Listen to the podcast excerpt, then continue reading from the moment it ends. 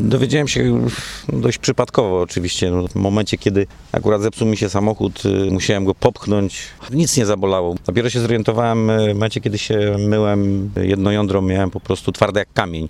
Kompletnie mi nic nie bolało i, no i to mnie oczywiście jakoś tam zastanowiło. Miałem tam taką znajomą lekarkę pediatrę i zgłosiłem się najpierw do lekarza androloga, który zrobił mi USG i powiedział, że wszystko jest ok, że nic się tam nie powinno wydarzyć. No ale ona mnie tam jeszcze poleciła mi urologa i tak naprawdę od tego momentu się wszystko zaczęło. Były dwie diagnozy, no, albo skręcenie jądra, no, albo nowotwór. No i następnie były zrobione markery nowotworowe, które wyniki już mówiły same za siebie, że Wszystkie normy zostały przekroczone tam kilkusetkrotnie. Zgłosiłem do poradni urologicznej i praktycznie rzecz biorąc w ciągu tygodnia wylądowałem, e, wylądowałem na stole operacyjnym. Później oczywiście po badaniach histopatologicznych okazało się, że to jest e, trzeci stopień złośliwości, więc bardzo poważny. Rak jądra jest taką chorobą, która dotyczy głównie mężczyzn młodych. Szczyt zachorowania jest między 20 a 35 rokiem życia, tak mniej więcej, chociaż oczywiście są wyjątki, może występować troszkę wcześniej i też troszkę później, ale generalnie generalna zasada jest taka, że rak jądra dotyczy mężczyzn młodych.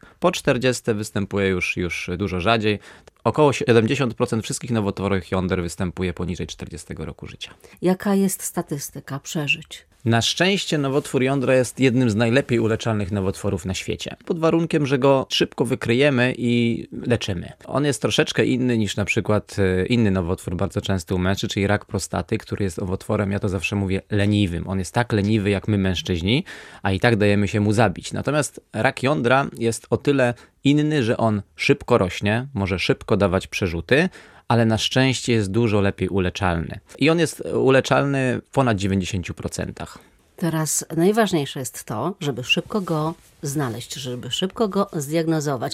A możemy trochę, znaczy panowie, mogą sobie pomóc sami, badając się, samokontrolując. Samokontrola jąder to jest tak zwane abecadło młodego mężczyzny. Kiedy mówimy o samobadaniu piersi u kobiet, to w ogóle jakby wszyscy traktują to poważnie. A kiedy tylko się mówi o samobadaniu jąder, od razu zaczynają się jakieś takie dziwne uśmieszki, trochę wstydu i takie lepiej o tym nie mówić. Faktycznie tak jest i pani jako kobieta to widzi, że problem ogólny w społeczeństwie jest taki, że te tematy wstydliwe, kobiece, to już nie jest temat tabu. Natomiast sprawy męskie dopiero oswajamy się z tym wszystkim. I to samo dotyczy oczywiście prostaty, że wszyscy już mniej więcej wiemy, co to jest, dzięki reklamom, które mają plusy i minusy, ale jednak o tym się mówi. I to samo dotyczy jąder. Tak jak pani słusznie zauważyła, faktycznie jest tak, że jak mówimy o jądrach, o prostacie, to jest to temat wstydliwy w dalszym ciągu. Jestem ciekawa, ilu z panów, słuchaczy naszych, bada się regularnie. Kiedy i w jaki sposób powinno się badać jądra? Młody mężczyzna powinien badać się o jądrach. Według najnowszych danych, które zostały zaktualizowane w tym roku,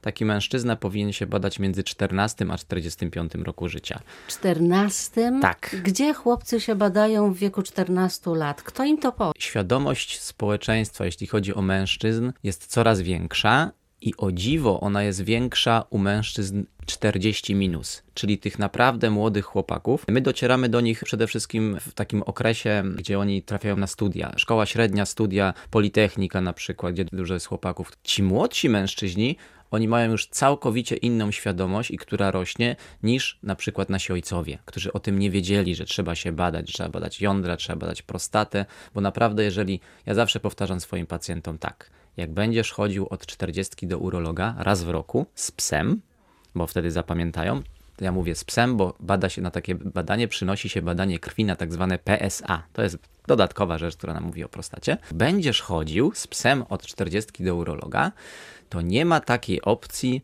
żebyś umarł na chorobę urologiczną. I to faktycznie tak jest. My jesteśmy w stanie wtedy takiego pacjenta wyleczyć w zasadzie ze wszystkiego z lepszym powodzeniem niż z grypy. Ale to ci po 40, a Tak. ci młodsi? A ci młodsi, oni bardzo dużo czytają, czytają fora internetowe, trafiają na strony i tak jak mówię, świadomość naprawdę rośnie. Jest oczywiście jeszcze dużo do zrobienia, natomiast ci młodzi mężczyźni, młodzi chłopcy naprawdę o siebie dbają, a to tak naprawdę powinno być rozpoczęte jeszcze przez rodziców. Dlaczego? Dlatego, że ja zawsze mówię, kiedyś było więcej starej daty położnych które jak dziecko przychodziło na świat, urodził się chłopczyk, to zawsze mówiły matkom tak. Badajcie jąderka, czy są w mosznie. A dzisiaj młode matki nie mają o tym pojęcia, bo już nikt im tego w szpitalu nie mówi. Nie mówię nikt, bo pewnie y, część położnych jeszcze jest takich fantastycznych, które to mówią.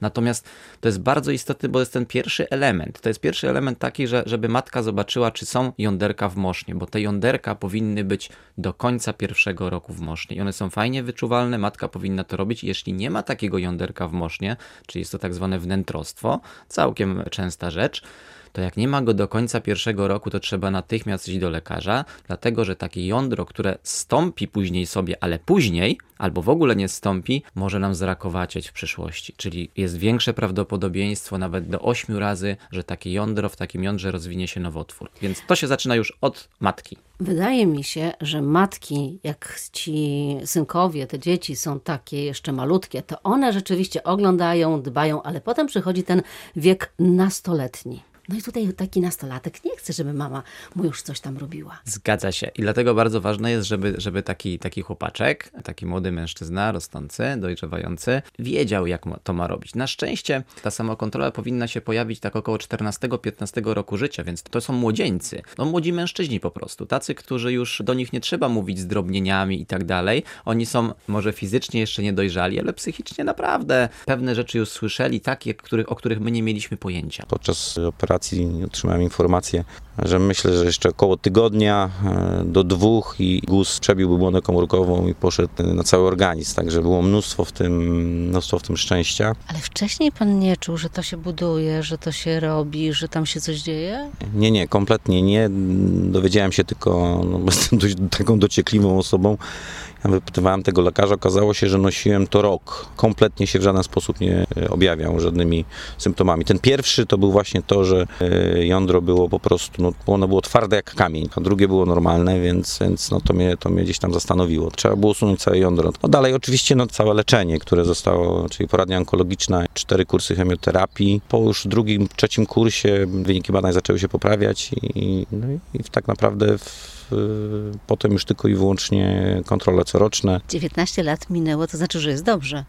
Tak, znaczy no ja cały czas gdzieś jednak y, mimo wszystko w tej chwili co 5, co 6 lat sobie te markery nowotworowe sam z siebie wykonuję a po to, żeby mieć tą świadomość no, tego, czy jest wszystko w porządku. Przejdźmy do tego, jak kontrolować, samo kontrolować jądra. Jak mężczyźni, młodzi, jak już mówiliśmy, od 14 roku życia już powinni to robić. Taki młody mężczyzna, młodszy czy troszkę starszy, najlepiej jeśli on kontroluje swoje jądra raz w miesiącu, częściej nie musi i robić to najlepiej w podprysznicem. Dlaczego tak, a nie inaczej? Ano dlatego, że jak wtedy jesteśmy rozluźnieni w pozycji stojącej, złapać sobie jądra po prostu między palcem wskazującym a kciukiem i od dołu do góry tę kuleczkę po prostu pomacać i wyszukiwać miejsc takich, które są podejrzane, a podejrzane znaczy to, czy nie ma nierówności, bezbolesnych guzków, uczucia ciężkości tego jądra.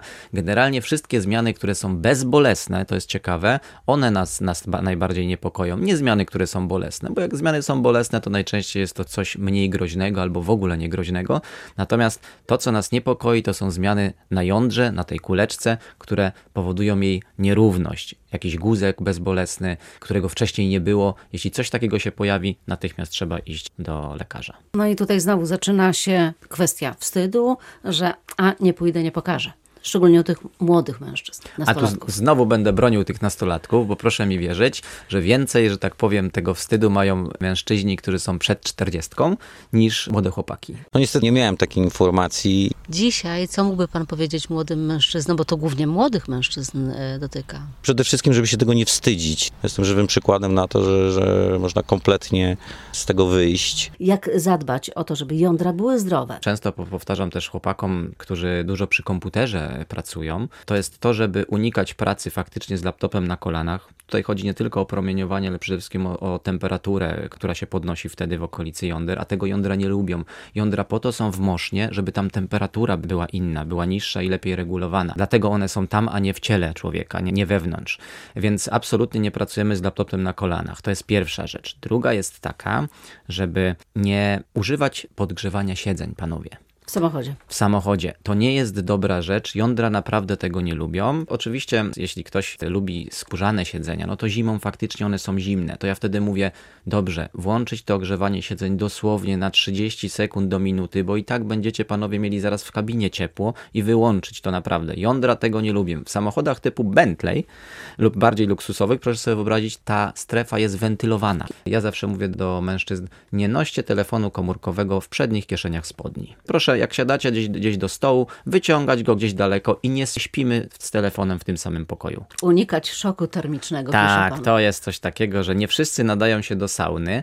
E, To to wynika też właśnie, co to powiedzieliśmy wcześniej, że jądra nie lubią szoku termicznego, nie lubią jak jest za zimno, ale też nie lubią jak jest za ciepło, a najbardziej nie lubią jak te zmiany są bardzo szybko następują. Bardzo często mam na przykład pacjentów takich, którzy zaczynają swój kontakt z sauną. To nie są ci ludzie, którzy od małego, że tak powiem, przyzwyczajają powoli e, jądra do takich szoków termicznych, tylko ktoś po prostu nagle zaczyna chodzić do sauny. I on oczywiście przychodzi z zapaleniami jąder. To jest bardzo bolesna sprawa. Na szczęście nie groźna, bo sobie to wyleczymy, ale to pokazuje też to, że jądra tego nie lubią, czyli takich wyjść nagłych na zimne powietrze, albo że tak, takie zmiany temperatury typu bardzo ciepło, bardzo zimno. No właśnie, ale tutaj jeszcze morsów mamy. To są ludzie, którzy nie robią tego z przypadku, ich organizm do tego przyzwyczajony, to jest całkowicie co innego.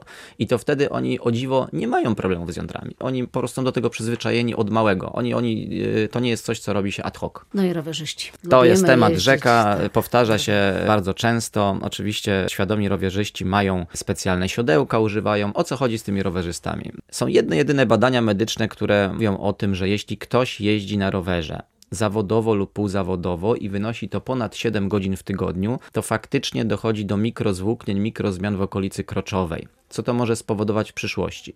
W przyszłości może to spowodować nie tylko problemy z jądrami, ale też zaburzenia erekcji. Dlatego, że dochodzi do mikrozwłóknień i ta tkanka już nie jest taka, jaka była wcześniej. I teraz taki rowerzysta pyta się mnie, no dobrze, jestem kolarzem, bardzo dużo jeżdżę, co mam robić? Bo jeżdżę na przykład do pracy codziennie 20 km spod Wrocławia i czy ja mam zrezygnować z roweru? Za- Zawsze mówię, absolutnie nie. Są pewne sposoby, żeby minimalizować skutki ja- jazdy na rowerze, abstrahując od siodełka, można sobie, na przykład ja zawsze mówię, róbcie panowie w przerwach zwykłe serie przysiadów. Dlaczego? Bo przysiady powodują lepsze ukrwienie okolicy kroczowej. Zsiadać z roweru, to samo tyczy się kierowców, gdzie tam długo siedzą i tak dalej, jest ucisk, także wysiadać z samochodu w przerwach, robić zwykłe przysiady. Oprócz tego są dla tych mężczyzn też farmakologiczne metody wspomagania lepszego ukrwienia w tej okolicy i to jak pójdziecie do swojego urologa, to on tam wam powie. Jeździmy, ale z głową. I jeszcze sportowcy. Widzimy podczas meczów y, piłkarskich, jak panowie piłkarze stają w murze, no i ochraniają się. Tak, bardzo słusznie, dobrze, dobrze, że to robią. Dlatego, że nie dość, że ta strefa jest bardzo bolesna, jeśli do, dochodzi do urazu, no to faktycznie może dojść do uszkodzenia. Jeśli chodzi o y, urazy, to najczęściej zdarza się u dzieci i tu matki też pytają, czy iść już do lekarza, czy z tym, z tym czy nie. Jeżeli ból jąder po urazie, jakikolwiek on by nie był, utrzymuje się powyżej 3 godzin, to absolutnie iść do lekarza.